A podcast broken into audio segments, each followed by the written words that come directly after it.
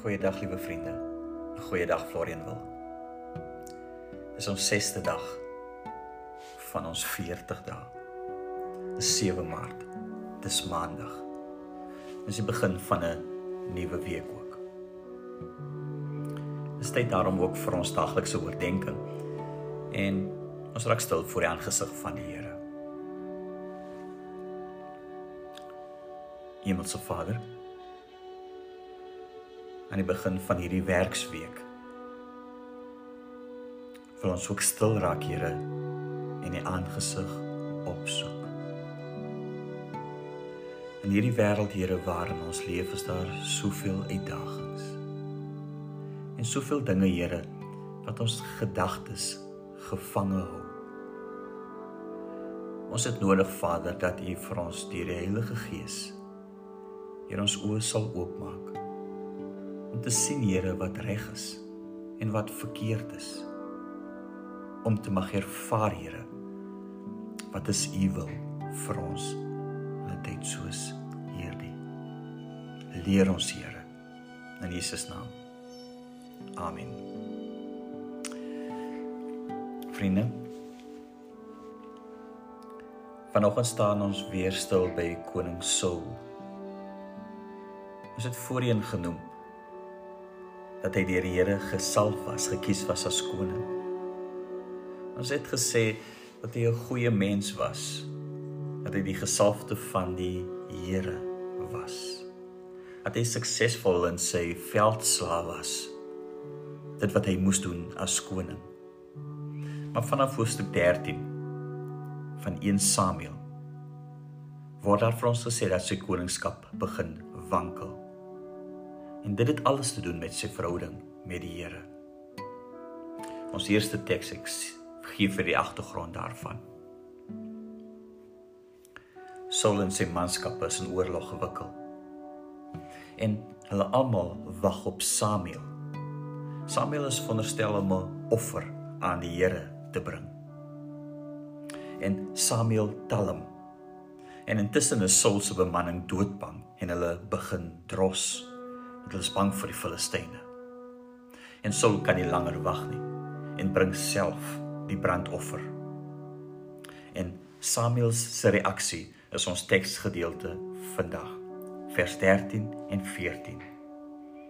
Toe sê Samuel vir Saul: Jy het dwaas opgetree. Jy het nie die opdrag van die Here jou God, dit wat hy jou beveel het, nagekom nie. Het jy dit maar gedoen want dan sou die Here jou koningskap oor Israel vir altyd bevestig het. Maar nou sal jou koningskap nie standhou nie.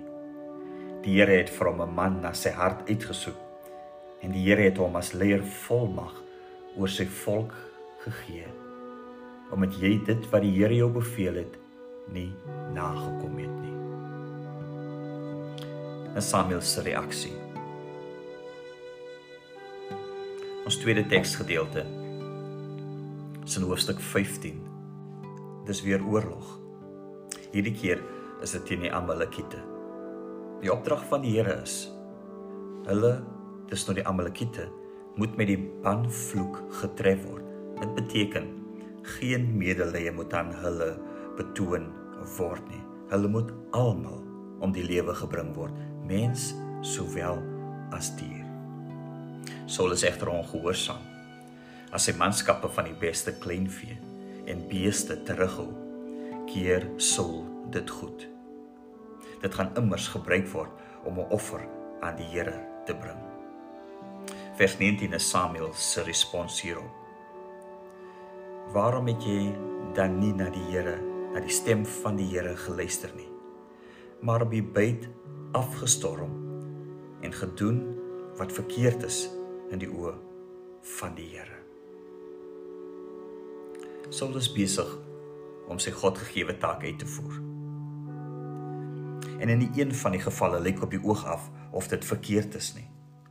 Hoofstuk 13 is besig om 'n offer aan die Here te bring.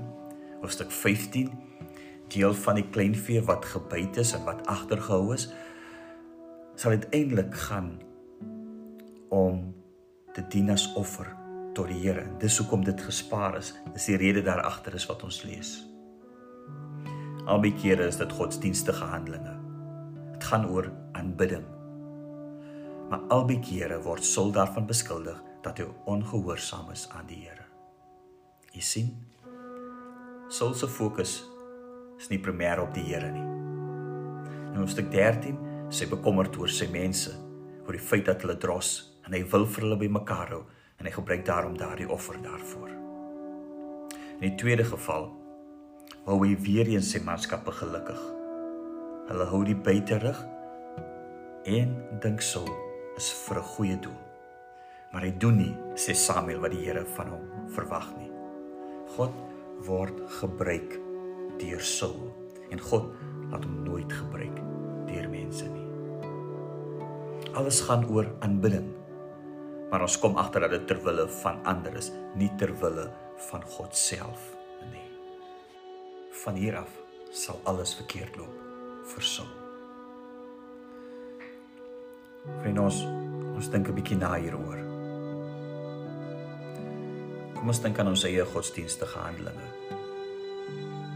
Kom ons dink aan die kere wanneer ons opdaag om die Here te dien. Kom ons dink aan ons gebede en wat ons van die Here vra. Dink daaroor na is die Here altyd die middelpunt van ons aanbidding. Samuel se aanklag teen Saul is dat hy nie gehoorsaam is aan die Here nie. Dat daar altyd ander oorwegings is, ander dinge is wat meer belangrik is en daarom kom die Here tweede. Ons raak vir 'n oomblik stil en bring dit wat ons geheer gehoor het na die Here toe. En ons vra ook die Here om ons te help om ons insig te gee oor ons eie motiewe wanneer ons in aanbidding voor hom gaan.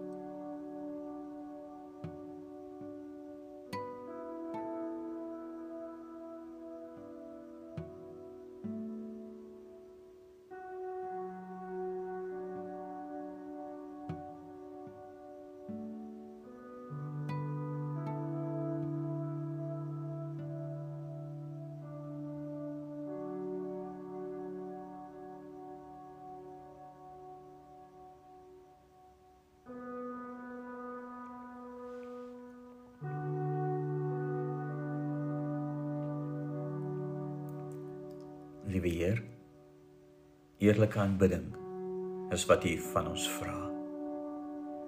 Dat wanneer ons ons hoofde buig voor U, wanneer ons ons lof aan U bring, Here, dat dit aan U sal wees in alle opregtheid. U vra ook van ons hier om gehoorsaam te wees. Here, omdat U dit vra van ons omdat ons as Here die deur U geroep is moet ons gehoorsaam wees. U verwag Here gehoorsaamheid. Dankie dat ons kon stil raak die maandagooggend.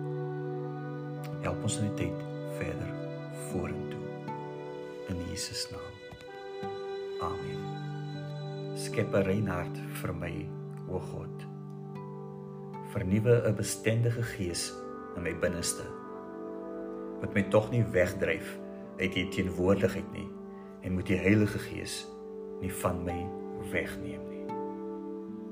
Broers en susters, die genade van Vader, Seun en Heilige Gees sal met julle wees. Amen.